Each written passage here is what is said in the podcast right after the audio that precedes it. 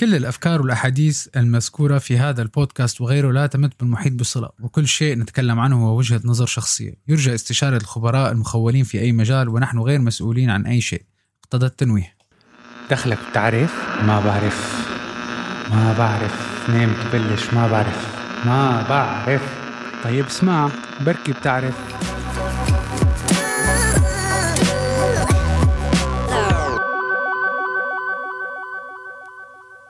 هلا صباح الخير آه، بحلقة جديدة من آه، بودكاست ما بعرف.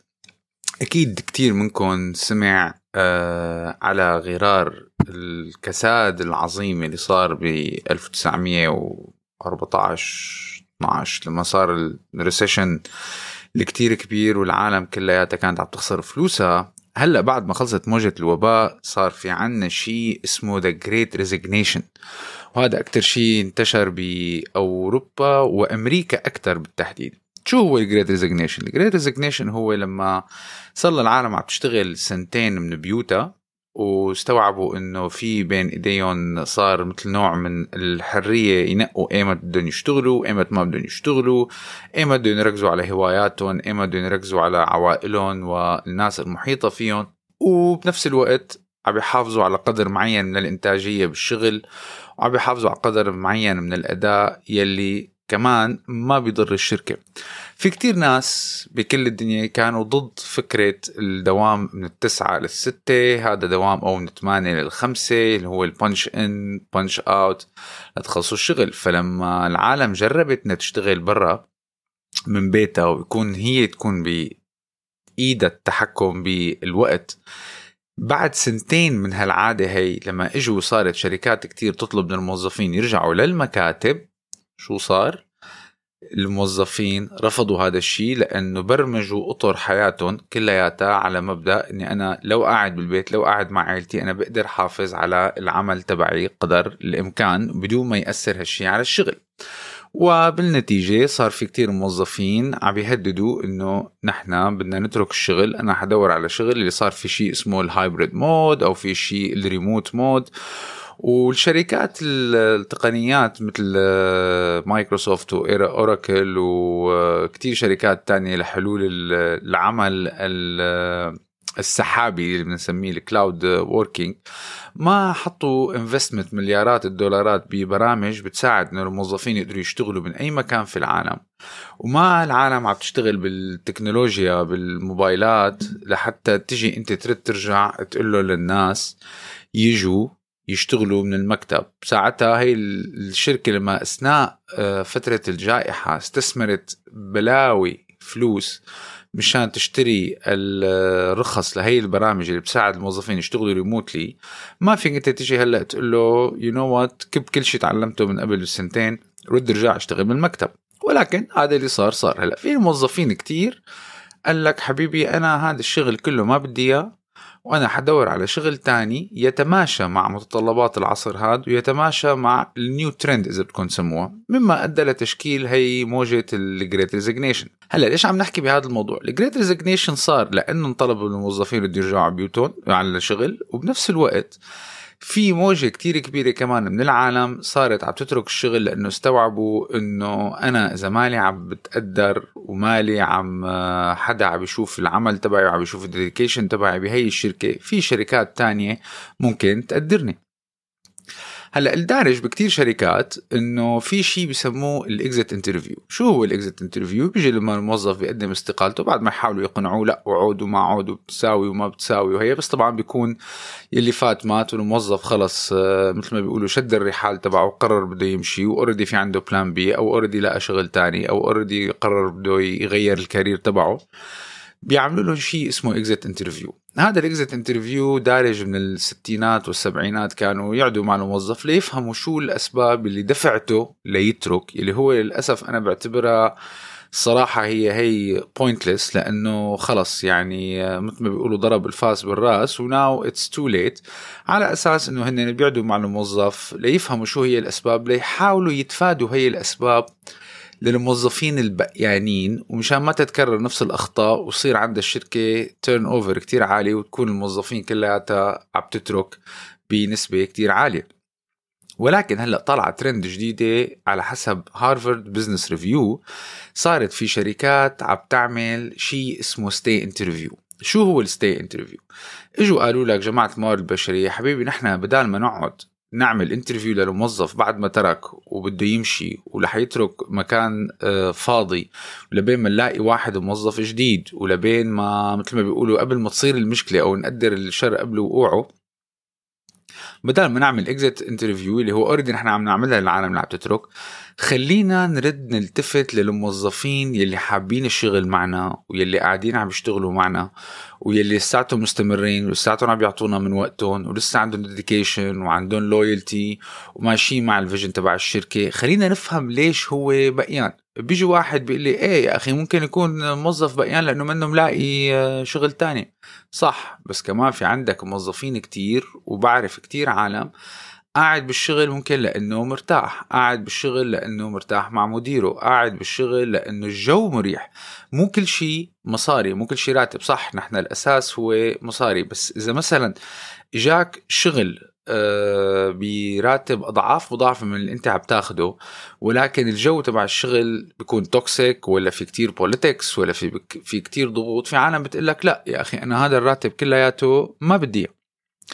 طيب هلأ هذا موضوع ال stay interview بلشت شركات كتير عم تطبقه وبلشت شركات كتير صارت عم تكتشف إنه في أسباب كتيرة بتخلي الموظفين يقعدوا بتخلي الموظفين يستغنوا عن offers كتير كبيرة وصارت تساعدهم لحتى يحافظوا على الجو العام للشركة ليحافظوا قدر الإمكان على الموظفين تبعهم. وهذا السبب نتج لأنه كتير شركات كانت تعمل exit interview من باب تطبيق ال processes أكثر من باب إنه يردوا يستثمروا الأفكار اللي سمعوها من هالموظفين اللي تركوا ليحسنوا الجو العام للعمل. لأنه إحنا بنعرف بطبع بني آدم طبعا في كتير ناس بحياتهم ما بيرضوا شو ما دفعت لهم ولكن لما بيكونوا في الموظفين لما بيكون في certain positions بتدفع راتب معين بالسوق بتيجي الشركة بتحاول مثل إنه يعني بدهم يكسروا السوق أو أخي أنا هذا ال position أنا هلأ بدفع. بتصير هي ال exit interviews بدنا نحطوها بال review بدنا نحطوها for action يكتبوا ريبورتات عليها وإذا كان ال turnover كتير عالي هذا بيسيء لسمعة الشركة. فللأسف في كتير interviews نتائج تبعونا كانت حطوها تحت الطاولة. بعد ما الموظف ترك آه خلص okay عملنا ال exit interview حطوا له إياها بملفه ولا مين سمع ولا مين دري. هلأ ال stay interview اجوا قالوا لك طيب آه نحن عندنا هالموظفين هدول قاعدين لازم نلاقي طريقة أو نحط آلية إنه نحن كل فترة وفترة مثل هذا بشيء بسموه اسمه pulse check لحتى شيك الجو العام بالشركة و... وشوف إذا في أي شيء بال dynamics بين الموظفين عم بتغير. حسب Harvard Business Review قالوا في أربع أسئلة أساسية لازم الإدارة أو ال management تسأل الموظفين تبعونا لحتى تعطيهم لمحة عن الوضع العام للشركة. أول شيء قبل ما تبلشوا بالأسئلة وقبل ما يبلش الواحد يشيك كيف آه، الجو العام تبع الموظف وكيف الجو العام تبع الشركة وكيف ال chemistry تبعون ال teams كلياتهم في شغلات أساسية لازم الموظف يحس فيها قبل ما بيقولوا to open up ويبلش يحكي. أهم شيء إنه الموظفين لازم يكونوا حاسين بالأمان إنه إذا أنا حكيت شيء مو عاجبني بالشركة ما لا حطير آه، راسي يعني مثل ما بيقولوا. للأسف شفناها بكتير أيام.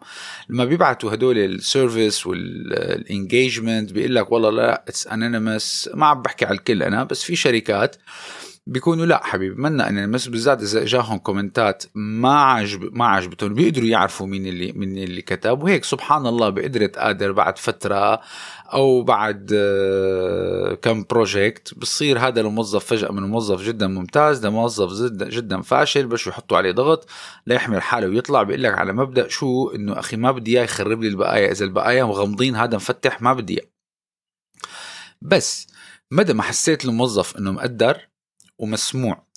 وطلباته ما حقول لك طلباته كلها مجابة بس يحس حاله يا أخي في منفذ إنه في حدا عم بيفهمه بالذات في عندكم موظفين كتير عن جد بيشتغلوا مثل ما بيقولوا قلبهم للشركة.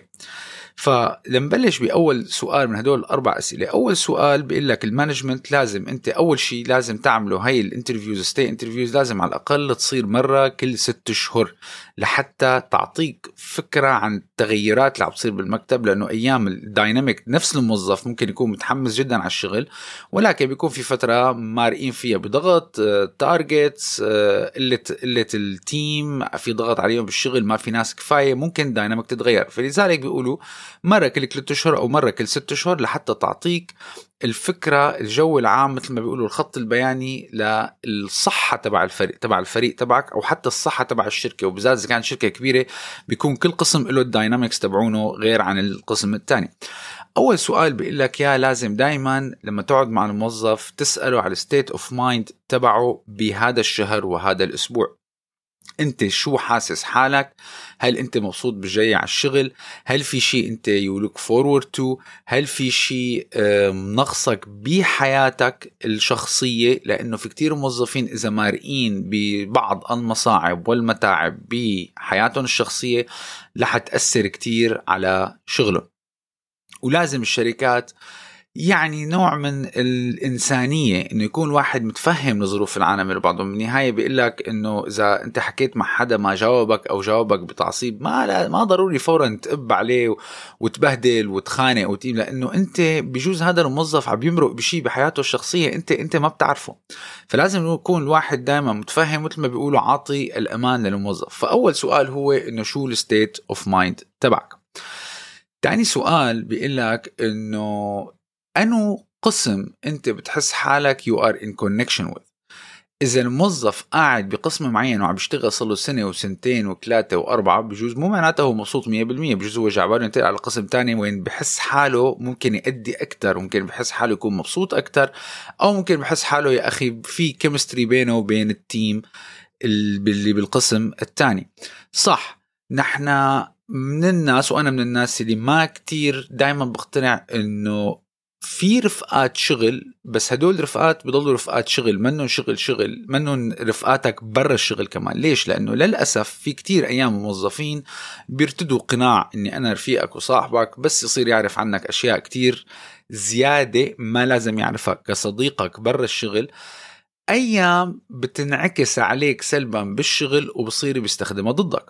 ولكن بنفس الوقت إذا ما كان في chemistry بين أعضاء الفريق كلياتهم هذا بيأثر على الشغل وكتير أثبتت البحوث إنه الموظف يلي بيكون فيه chemistry مع ال team تبعه متفاهمين كلياتهم و they share the same vision the same objective ونفس طريقة التفكير ونفس ال style ونفس حتى الأخلاق والتصرفات هذا الفريق بيكون أداؤه أعلى من الفرق الثانية من 20 ل 30% فالسؤال الثاني دائما بيقول لك إنه اسال الموظف أنو team هو بحس حاله في chemistry بيناتهم أو أنو team بحب إنه يشتغل معهم وليش؟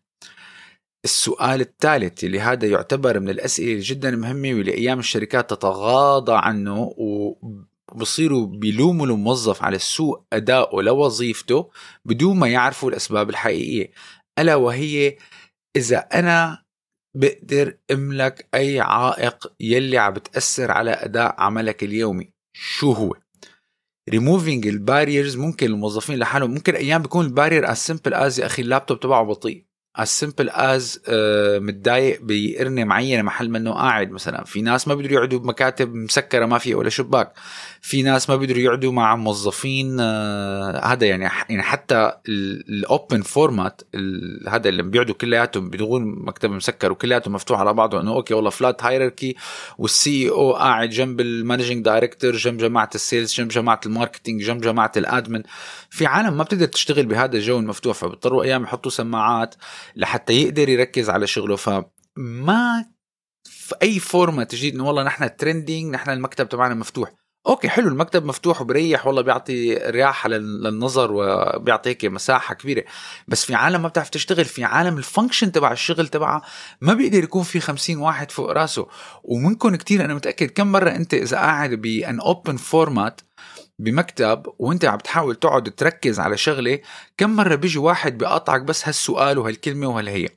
فهي من ال... هي من الشغلات إنه لازم الشركة تفهم شو ال barriers يلي عم بتوقف الموظف عن ادائه عن ادائه عمله ممكن allowances ممكن certain politics. ممكن آه، جو العمل ممكن ال devices اللي عم بيشتغل فيها. فمدى ما قدرت تحط إيدك على إذا الموظف كان آه، مثل ما بيقولوا أمين بينه وبين حاله وعم بيحكي معك بصراحة إنه يا أخي أنا إذا قمت لي واحد اثنين ثلاثة أنا ممكن أدائي يكون أعلى ممكن أنا ال objectives أقدر أحققهم أكثر ممكن أيام في عالم بيجي بيقول لك يا أخي أنا ما في objectives بتتحدى طريقة تفكيري وبتتحدى الذكاء تبعي كفاية. فمشان هيك أنا فاقد مثل ما بيقولوا ال interest بالشغل. بيجي بيقول لك إنه لا أنا بدي شيء شغل شوي أصعب لأنه خلص أنا هذا I am over والسؤال الرابع واللي هو هذا أهم أهم أهم سؤال وللأسف الشركات بتوقفه في حالات الضوائق المالية وفي حالات لما بيبطأ الشغل ألا وهو بتسأله إذا نقيت أنت شغلة حابب to invest in you أكثر شيء لتطور حالك فيه أو مهارة لتطور حالك فيها شو هي؟ ولازم تكون يكون كل شركة لها budget معينة لحتى يصرفوا فيها على موظفينهم. بيجي واحد بيقول لي إيه بس هلأ ياما أيام في موظفين بنصرف عليهم بندربهم بعدين بيحملوا حالهم بيتركوا.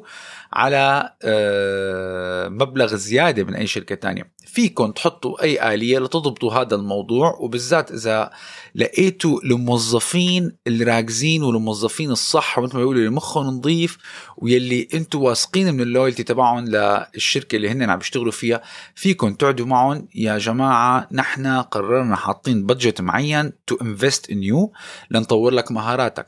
في شركات على فكرة بتدفع أيام masters degrees وبتدفع PhD degrees للموظفين تبعونا. طبعا بيكون في آلية. أنا بعرف إحدى الشركات ما ما حأذكر اسماء الشركات أنا حطيت فيديو على التيك توك على هذا الموضوع. في ناس كتبوا لي إنه شو أسماء الشركات اللي بتعمل stay interviews ما حاط أسماء شركات فيكم تعملوا research أنتم بتقدروا تعرفوهم لحالكم.